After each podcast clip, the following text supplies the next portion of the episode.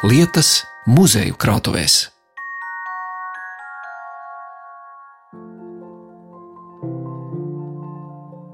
Kaut kas, kas sen jau izzudis, kas atklāts pirmo reizi, kas ir visvecākais, kas ir vienīgais.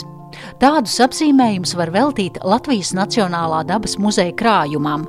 Muzejam, kurš ir dibināts pirms 177 gadiem, bet kura krājums jau ir veidojies 18. gadsimta vidū. Raidījumā runāsim par aļņa izbāzni un aberatīvo putnu kolekciju, uzzināsim, kā izskatās nakts tauriņš ar abu dzimumu pazīmēm un kas ir jaunākais atradums augu pasaulē. Šajā pavasarī dabas muzejā ir aplūkojama izstāde par muzeja krājuma veidošanos četru gadsimtu garumā. Un tā iesākumi ir saistāmi ar baltvāciešu ārstu, bibliofīlu un kolekcionāru Nikolausu von Himzelu, kurš 18. gadsimta 50. un 60. gados daudz ceļoja pa Eiropu, vācot dabas priekšmetus, kas papildināja jau viņa tēva un vectēva mantotās kolekcijas. 1773. gadā šīs kolekcijas izstādīja publiskai apskatei anatomijas teātra telpās Kalēju ielā. Telpu nosauca par Himzela kabinetu, bet vēlāk to pārdēvēja par Himzela muzeju, un tolaik tas bija viens no pirmajiem muzejiem Eiropā. Par krājuma vēsturiskajiem priekšmetiem stāsta muzeja direktora vietniece attīstības jautājumos Diāna Meijere. Nu, tā kā turpinājumā jūs skatīsieties uz kaut kādām tādām ļoti konkrētiem priekšmetiem no dažādām kolekcijām, tad varbūt eh, šeit mēs atrodamies izstādē, kas veltīta dabas muzeja kolekcijas vēsturei, krājuma vēsturei. Tad mēs varbūt paskatīsimies uz dažiem tādiem īpašiem priekšmetiem, kas ir šajā izstādē. Tas priekšmets, ar ko mēs lepojamies, var teikt visvairāk no tām senajām kolekcijām, ir no Himzela kolekcijas vecākais datētais mūsu muzeja priekšmets. Uz šī priekšmeta ir rakstīts gadsimts 1725. Ah, es skatos uz gārēnu, brūnu palēku plāksni. Es teiktu, ja es neredzētu to aprakstu, es teiktu, tā, tā ir kaut kāda koka miza vai koka dēlis, bet tas ir bruņurupuča kaula fragments. Jā, tieši tā var redzēt, ka tā ir riba un daļa no bruņām. Bruņurupučiem ribas ir pieaugušas pie tām bruņām, un šis ir tieši tāds fragments no zaļā bruņurupuča nu, kaut kāds 60, 70 centimetru garš. Tas bruņurupucis ir bijis tāds pamatīgi apmērs, nav dzīvojis mūsu klimata zonā. Nē, šie bruņurupuči dzīvo uh, okeānos, viņi ir uh, tādi jūras iemītnieki un uh, var sasniegt ļoti liels izmērs. 1725. 5. Vai jūs esat atšifrējuši, kas tur vēl ir rakstīts? Tur ir rakstīts datums, jā, tas datums ir 1725. gada 21. septembris, bet ko šis datums nozīmē, mēs īsti nezinām. Tas visdrīzāk nav tā bruņurupuču ievākšanas laiks, jo nu, diez vai, bet eh, kaut kādu datumu tas atzīmē īsti. Mēs nezinām, jo mums ir ļoti maz informācijas saglabājies par šīm senākajām kolekcijām. Bet katrā ziņā Himzaļa kolekcijā savulaik ir nonācis šis bruņas fragments. Vispār tā bija ne tikai paša Nikolaus von Himzela kolekcija, bet viņa dzimtas kolekcija. Un kolekcija bija uzsākta vākt jau pirms Himzels bija piedzimis. Tāpēc arī šis datējums ir tāds interesants. Es arī, kad sāku skatīties uz šiem gadskaitļiem un salīdzināt, tad es arī sapratu, ka Himzels šajā brīdī vēl nebija dzimis. Līdzās vecākajam datētajam eksponātam atrodas arī lielākais eksponāts, kurš ceļojas kravas kastē pa vairākām vietām Rīgā, kur savulaik ir atradies dabas muzejs. Diana Meijere turpina stāstīt par aļņa izbāzni. Šajā telpā jā, tas ir mūsu lielākais eksponāts. Mēs pētot muzeja vēsturi, gatavojoties izstādē, skatoties dažādus senos materiālus, secinājām, ka Alnis visdrīzāk šis pats ir redzams vairākās fotografijās, kas ir saistīts ar muzeja vēsturi. Jo muzeja vēsture, nu, tas dibināšanas gads mums ir saistīts ar Rīgas dabas pētnieku biedrības dibināšanas gadu 1845. gads. Un šī biedrība savāca ļoti liels, nozīmīgs kolekcijas, kas arī ir pamats mūsu muzeja krājumam. Un uh, tad tikko parādās kāda attēla no šīs biedrības muzeja, tā Alnis jau ir tur.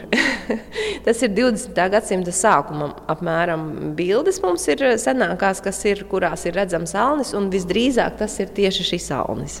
Kā ja šodien, vai, vai tas jājautā taksidermistam, attiecīgi, cik labi tas alnis ir izbāzts un atdarināts? Nu, mēs varam pišķiņu tuvāk pieiet. Nu, pieejot eh, tuvāk, arī redzams, ka Alans izgatavots kvalitatīvi. Tur jau nu, kaut kādas tādas viņam laika gaitā radušies eh, nelieli ievainojumi, protams, ir un skrāmas.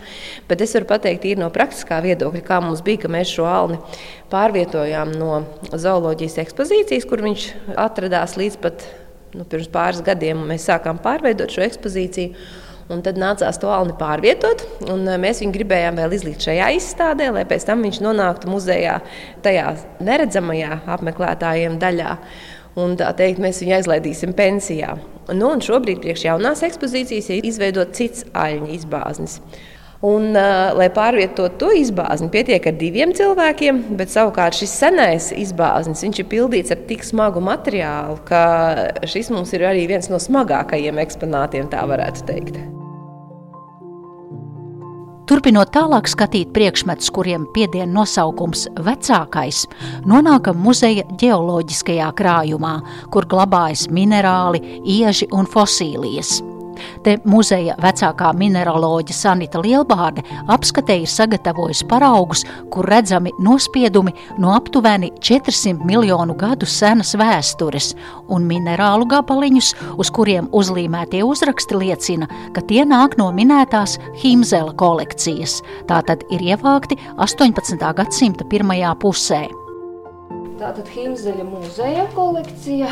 Mums šādu paraugu ir ļoti daudz. Mēs esam jau atpazinuši ap 700 minerāliem, jo mums Latvijā tādu īstu minerālu kā tādu ļoti, ļoti maz. Mēs varam saskaitīt uz abiem rokas pirkstiem. Nu, tad šīs kolekcijas ir tiešām ļoti liela vērtība, lai parādītu šo minerālu daudzveidību, jo minerāla dabā ir ap 5000 kopā ar visiem paveidiem. nu, tad mums, pateicoties šai vēsturiskai kolekcijai, mums ir šī lielā daudzveidība, ko arī mēs redzam mūsu ekspozīcijā, mineraloģijas, un plusā mums ir viss tāds krājumā saglabājies. Un tad mums tālāk šīs kolekcijas, Himzaļa kolekcijas, tika nodotas Rīgas dabas pētnieku biedrībā. Interesanti, ka viņiem pašiem sākotnēji nebija tik liela tā kolekcija. Un tad, kad nodeva, tad viņi uzreiz tā kā pacēla savu to prestižu, jo viņiem uzreiz bija tā mineraloģiskā kolekcija, kas ir nu, daudzveidīga. Bet viņiem arī dabas pētnieku biedrībai šādas zīmītes atkal Tā. kas arī te ir pat gads 1845. Tā es mēģinu izburtot, ka Ferraina, Natūra, Natūra Foršēra. Viss vārds Ferāns Rīga. Jā, nu. Arī tās vecās etiķetes, diemžēl, bija tas laiks, padomju laiks, kad šīs vēsturiskās etiķetes vācu, viņas tika tā kā slēptas, viņas ļoti slikti ir saglabājušās, un tas ir tas mīnus, kad mēs zinām, mēs varam noteikt, kas tas ir, bet mēs nezinām, no kuras vietas. Tas ir tas vēsturiskais. Nu, man tad gribās arī pastāstīt par šīm fosilijām, kas mums ir izcilas kolekcijas, kuras mums ir zinātniski ļoti vērtīgas. Tātad Latvijā pagājušajā gadsimta 50. un 60. gadi un pat līdz nu, 90. beidza šos dziļurbumus. Mums ir Latvija, visa, visa Latvijas teritorija, ap 200 urbumiem. Un eh, pateicoties šiem dziļurbumiem, bija iespēja zinātniekiem tikt pie šī materiāla, kas atrodas ļoti, ļoti dziļi. Tie ir līdz pat kilometram. Nu, un tad ir pamatklintā tātad urbuma sērdes. Ir, jā, kas ir 485 līdz kaut kādiem 419 miljonu gadu atpakaļ. Tātad ordevika silūra vecuma šīs urbuma sērdes. Un šīs ir ļoti bagātīgas ar fosīlijām. Un te ir graptolīti, tātad ir tāda dzīvnieciņa, jā, viņiem. Tā ir skeletiņš, jā, melnā krāsā parasti. Nu, un tad vienā pusē viņiem ir, es saku, tā kā zāģīts, bet tas ir tādas celles, jā. Tas ir kāds tārps, es pareizi, uh, vai tomēr tos nevar saukt šos nu, dzīvnieciņus? Dzīvnieciņi tādi, viņi dzīvoja, bērni tos ir piestiprināti tā kā planktons tāds. Es mēģinu, tagad jūs man iedevāt mikroskopu. Pa, pa... Ah! Jā, un tur var redzēt, viņi tādi gareni. Jā, melni, tie ir hitīna veida skeletiņi. Bet redzat, turbumu sērdēs. Es redzu tā tādu garēnu, tādu zāģa nāzi. Tā kā būtu ar nu, parasto zīmoli, akmenī uzzīmēts zāģa nāzīts. Nu, brīvi bet... peldoši vai nekustīgi piestiprināti bentoši, tā izmirušie dzīvnieciņi. Un interesanti, ka šie dzīvoja diezgan dziļi, nu, salīdzinoši. Un mums ir tāda zinātnēca nodevusi šo kolekciju visu. Viņa tur ir atklājusi 82 sugas, un tas ir no 40 turbumiem Latvijas. Tāpēc ir ļoti svarīgi raptolīti. Pēc šīm te varēja sastādīt tā saucamās stratigrāfiskās schēmas. Kas tas ir? Tas ir ģeoloģiski ļoti svarīgi, jo tad var noteikt tieši vecumu, un tad pēc tieši vecuma kopā ar visām fosiliju šo kompleksu sastāvdaļu schēmas, kur precīzi var noteikt slāni, svītu, visu tādu precīzi, precīzi. Nu, tā kā zinātniski ļoti vērtīgas kolekcijas ir. Tad es šobrīd mikroskopā skatījos zemes veidošanās vēsturi. Šķērsgriezumā mazu gabaliņu, jā, no mazu. No zemes veidošanās vēstures pārējām pie putnu vēstures un muzeja krājuma zelta fondu aberatīvo putnu kolekcijas. Tie ir putni, kuru krāsojumā un ārējā izskatā ir novirzes no normas. 19. gadsimta beigās vācu ornitologs un taksidermists Teodors Lorents šādu kolekciju atveda uz Rīgu. Muzeja krājumā ir 169 šādi īpatņi, un 17 ir aplūkojami arī ekspozīcijā. Par to stāsta zooloģijas nodaļas vadītājs Dimitrijs Boiko. Tie ir uh, unikāli izmaiņi. Ja? Kaut gan cilvēki bieži vien pienākot, cik es tā novēroju, jo tagad mēs atrodamies Latvijas putnu ekspozīcijā. Ja? Un te, protams, mums ir klasiskie visveidīgie putni, klasiski tāda ziņa, kā viņam jāizskatās dabā. Un tad ir tādi, kā cilvēki saka, kas šie tādi pa dīvainīšiem, pa savādākiem putniņiem, ja? jo te forši var salīdzināt klasiskos un šos aberatīvos putnus. Tad te ir gan viens hibrīds, mums ir tāda, kuru es domāju, Latvijas dabā mēs pat nevarēsim ieraudzīt. Rūbeņa un balti ir bez krustojums. Es skatos uz koši baltu, vistveidīgo putniņu, tādām spalvainām biksēm. Visas spalvas ir baltas, bet tas krustojums tas ir tāds raips. Jā, tas ir saka, ne šis, ne tas. Parasti par hibrīdiem saka, ja? mm -hmm. jo klasiskais rubenis ir mātīta tāda raiba, bet tur baltas krāsas nu, gandrīz vai nekā nav. Un te ir gan balts, gan raibs. Un tad arī aberācija ir novirza no normas. Tad, nu, piemēram, paskatāmies uz 14. numuru. Rubenis, tā ir mamma, tad mātīte. Viņai būtu jābūt tādai vairāk kraibai, un astīte mātītei ir ļoti īsa. Nav tāda līnija. Ja? Līnija ir tēviņam raksturīga aste. Un tur tai mātītei nu, tiešām ir veida gara aste. Jā, tad atkal novirza no normas. Jā, jā un tāda diezgan pamatīga, jo gan krāsojuma ziņa ir tāda tumša, gan arī līnija aste, kas raksturīga nevis mātīte, bet tēviņam. Un šī kolekcija ir Teodora Lorenza aberatīvu putnu kolekcija, kurā atceļoja uz Latviju, tā teikt, 1895. gada. Tad te bija izstāde, un viņš ir piedalījies. Un tad uh, tas tirgotājs Hoflingers nopirka šo kolekciju. Kas bija Lorence, tas bija vācu tirgotājs, ornitologs, gan arī taksidermists. Viņš dzīvoja Maskavā. Un Krievijas teritorijā speciāli vāca šādus neparastos īpaņus. Un Es mūsdienās neesmu nevienu visveidīgu tādu vispār redzējis dabai. Šādi mēs varam dzirdēt par raķeli. Mēģņa un rubeņa krustojumu. Jā. jā, un arī ekspozīcija te ir viņš arī apskatāms, jā, bet par šādiem te nu, savādākā krāsojuma putniem mēs ļoti, ļoti nu, reti tiešām dzirdam. Tā kā šī ir tā vērtība un kolekcija vairāk nekā simts gadi. Un, ja mēs paskatāmies uz to arī kvalitāti, kas pats galvenais, nu, ļoti kvalitatīvi, nekas tur nejuk, nebruk. Un uh, arī jebkurš Latvijas un ne tikai Latvijas iedzīvotājs var atnākt uz Latvijas Nacionālo dabas muzeju un apskatīt nu, šos, nu, kā saka, parasti cilvēki, jocīgiem putniņiem. Bet zinātnieki saka, ka ļoti vērtīgiem eksemplāriem, nu, kuri varbūt kaut kur dzīvo arī mūsdienas, bet zinām, ka situācijas ar sugām mainās. Vienas kļūst vairāk, citas samazinās. Un tas ir tiešām zelta fonds Latvijas Nacionālajā dabas muzejā, jo Lorenza kolekcija vēl ir tikai Maskavā, Zooloģijas muzejā un eh, Bonna arī muzejā. Ja? Tā kā lūk, trīs valstīs pie mums tā izskaitā. Kas kukaiņu pasaulē pievilina dabas pētniekus?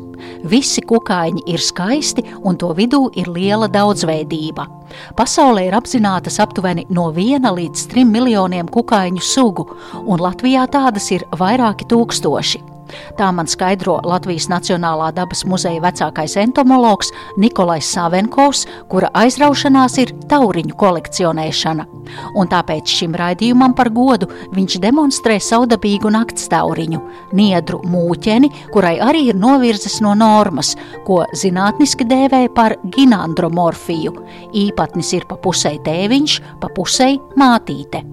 Viens tauriņš ir ļoti interesants. Viņš, ja paskatāties, ja, tad viņam kreisā puse atšķiras no labas puses. Tiešām es skatos Jā. uz eh, tauriņu ar baltiem spārniem, bet tā kreisās puses spārni ir tādi ietonēti, iepelēti. E, jā, viena puse atšķiras no otras. Tas ir ginandramorfs. Genantramorfisms tā ir interesanta parādība, ka olu šūnas dalījuma periodā kaut kas iet ne tā, iet greizi. Un tāpēc veidojas ginandramorfs, kam viena puse atbilst matītei, otra puse teviņam. Tādu parādību uzreiz var piefiksēt eksemplāriem, kuram vispār teviņi atšķiras no matītēm. Un šitam eksemplāram kreisā pusē atbilst teviņam, Un mātītei atbilst labi, un pat antenas viņiem. Jo te viņam ir pukainas antenas, ja mātītēm antenas ir tādas nu, vienkāršas. Jūs redzat, ka arī antenas viņam atšķiras. Tāds eksemplārs nav spējīgs vairoties, tā ir būtība kroplība, bet regulāri katra grupa entomologi tos šādi atklāja. Bet tā ir reta parādība, un sava mūža, sava prakse es atradu tādu eksemplāru pirmo reizi. Tā ir niedru muķene. Un kur jūs tādu atradāt? Nu, vienkārši es ķeru uz gaismu, jā, gaismas lamatās un pamanīju, ka eksemplārs tiešām ir tāds jocīgs. Pēc tam konstatēju, jā, ka tas ir ginandramorfs. Saudabīgu kukainu apskatēji ir sagatavojis Nikolai kolēģis, otrs muzeja vecākais entomologs Uģis Piterāns. Šis kukains atrodas lapseņu kolekcijā, kur parasts cilvēks saskata te rātni uz adatām uzspraustu skaitinošo un dzēlīgo kukaiņu eksemplārus, bet dabas pētnieks vērš uzmanību uz lapseņu skaistumu. Dažādas eh, lapsenes, piemēram, īstās lapsenes, kuras tiešām varam saukt par lapsenēm, lapsenēm Tad ir piemēram racēlapsenes, kas ir mantojuši savu nosaukumu bieži vien savu nedaudz līdzīgā krāsojuma dēļ, tāds dzeltens ar melnu, bet tuvāk radniecīgas ir piemēram bitēm. Un tad tur ir piemēram krāšlapsenes, kuras atkal eh, neizskatās vispār kā lapsenes, bet tās ļoti spožas, mazi dārga, dārgakmeņi. Tā kā brošiņas Krāšlapsenes vispār ir tā, viņas pietuvina tādā lielā, lielā palielinājumā ir starp Latvijas noteikti pašiem, pašiem košākajiem kukaiņiem, jo atkarībā no sugas eh, veidariņš var būt eh, koši sarkani, metāliski spīdīgs, krūtis var būt eh, zilganas, zaļganas un visādās dažādās kombinācijās, un arī pilnībā zili. Un šī ir daļa no muzejā šobrīd teiksim, tā, atjaunotās plēspārņu kolekcijas. Un tad mūsu mērķis ir izveidot eh, sugu etalonu kolekciju. Tad visu laiku muzejā ir krājies eh, šis vēsturiskais kolekciju materiāls, ko ir vākuši pētnieki pat varbūt tuvu simts gadus atpakaļ. Kādai sugai, piemēram, šeit vienai no lapsiņu sugām ir tikai viens. Šim mums eksemplārs, kas ir interesanti ievākts 41. gadā Rīgā. Un šī suga, starp citu, ir interesanta. Mēs lapsenes pazīstam kā sociālos kukaiņus, kas veido pūžņus. Ir eh, viena pūžņu galvenā māte, tad ir darba lapsenes, līdzīgi kā bitēm. Bet šī konkrētā suga ir eh, parazītiskā lapsene. Viņa uzbrūk citiem lapseņu pūžņiem, izstumj tā pūžņa citas sugas māti no šī pūžņa, nogalina viņu un ieņem viņas vietu. Un tad izmanto tās citas darba lapsenes, lai viņu apkalpo audzina viņas sugas īpatņus. Un uh, dabā viņas ir diezgan reti sastopamas. Vizuāli, protams, viņas ir lapsena kā lapsena. Tikai, tikai speciālists viņas atpazīt. Tāpēc tas ir savā ziņā ir viens no mūsu dārgumiem. Jo pašam man dabā nav nevienu šādu parazītisko lapseni izdevies atpazīt un ieraudzīt. Bet es mēģinu saskatīt nu, tās atšķirības. Nu, tur ir jābūt speciālistam, nu, citas tās lapseņu sugas apkārt. Jā, lapsena kā lapsena. Kā var noteikt, ka tā ir lūk, šī parazītiskā lapsena? Vispār lapseņu sugu noteikšana bieži vien svarīga pazīme ir seja, sejas krāsojums. Katrai sugai tur būs nedaudz atšķirīgs. Kādam būs seja pilnībā dzeltena, citai būs ar melnu svītriņu pa vidu. Atšķirās ar sejas formu. Dažām sugām viņas ir garāka, tā seja, citām īsāka. Tā tas vizuāli, tas kopējais ir, kā jūs sakat, labs un kā labs. Tāpēc šādām kolekcijām ir liela nozīme, jo dabā bieži vien kukaiņiem sugu ir grūti noteikt, tāpēc pētniekam tas kukainis ir jānoķer un jāizpēta, tā skaidro Uģis Piterāns. Un tas pats attiecas arī uz augiem, kuru herbārijas ir vienīgais lietiskais pierādījums par konkrēta eksemplāra eksistenci. Pats jaunākais vākums muzeja botānikas un mikoloģijas krājumā ir sirdslapu kaldēzija, ūdensaugs, kura lapas atbilstoši nosaukumam ir sirds formā. Tādu pirmo reizi netālu no Latvijas robežas pagājušajā gadā atrada muzeja vecākā botāniķe Laura Grīnberga. Botānikas krājumā šobrīd Jā, mēs esam ienākuši botānikas un mikoloģijas krājumā. sēnes un augi. Sēnes un augi, un arī sūnas un mieturāļģes un mazliet ķērpji. Jā, jā. Jā, un uz ko tad mēs šobrīd skatīsimies? Vai skatāmies? Jau? Šodien mēs paskatīsimies no augiem uz vienu no jaunākajiem atradumiem, kas ir tieši herbārijiem. Tas ir pagājušā gadā Latvijā pirmo reizi atrastā ūdensauga suga sirdslapu kaldēzija. Tāda līdz šim vēl nebija nekad konstatēta. To atradu es pati vienā ezerā uz Latvijas-Lietuvas robežas. Un varētu teikt, ka šis herbārijs ir tāds dokumenta oriģināls. Nu, vispār herbārija tieši ir nozīmīgi ievākt, to tas ir pēc tam apskatāms vēl daudzus gadus. Mums ir arī tepat blakus ir simtgadīgs herbārijs citam augam, un, un, un vienmēr var pārliecināties un arī var iedot citiem pētniekiem, pārliecināties, ka tā suga ir tiešām tā suga. Tas nav, ja piemēram, nofotografēt, tas ir tāds pierādījums, kas nav lietiskais pierādījums. Bet herbārijas tad ir jā, lietiskais pierādījums, ir dokumenta oriģināls, kas mums ir šeit. Un šis ir unikāls ar to, ka jā, tas ir pirmais Latvijā ievāktais šādas sugas herbārijas.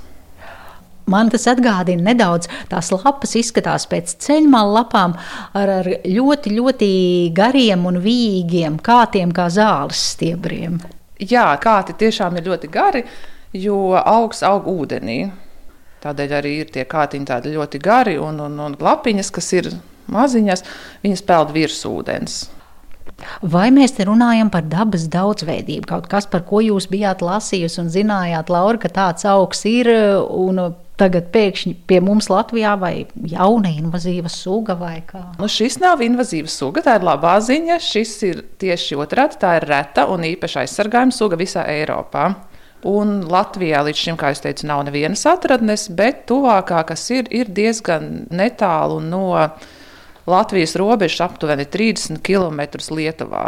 Un, nu, kopumā varēja gaidīt, ka kādreiz šī suga varētu parādīties.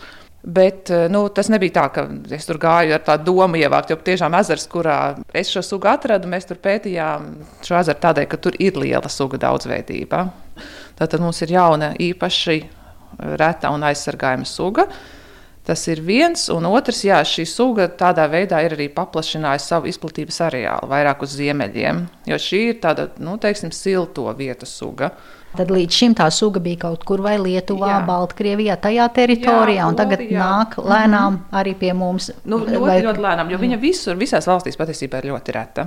Bet jūs bijāt lasījuši un zinājāt, ka tāda ir, vai agrāk Latvijā tāda ir kaut kur bijuši pieraksti? Latvijā ļoti, ļoti, ļoti agrāk, pirms aptuveni 350 tūkstošiem gadu senos nogulumos ir atrasta šī auga sēklas. To ir atraduši jā, paleobotāniķi vienā vietā Latvijā, un arī šīs sēklas, starp citu, ir Latvijas dabas muzeja krājumā. Tas bija ieskats Latvijas Nacionālā dabas muzeja krātuvēs, un atgādinu, ka vēl šobrīd varat aplūkot krājuma ekspozīciju ar priekšmetiem, kas ir vākti četru gadsimtu garumā, un arī apmeklētāji var ielūkoties krājuma veidošanas aizkulisēs, botāniķu, entomologu, paleontologu un citu speciālistu lauka darbos, ievāktā materiāla pēcapstrādē un izpētē. Paldies par raidījumu tapšanu es saku muzeja ekspertiem Diānai Meijerei, Dimitrijam Boiko, Sanitai Lielbārdei, Nikolajam Savenkovam, Uģim Piterānam, Laurai Grīnbergai un sabiedrisko attiecību speciālistei Polīnai Šķiņķei. Raidījumu veidoja Zane Lāce Baltalksne. Vietu lietas.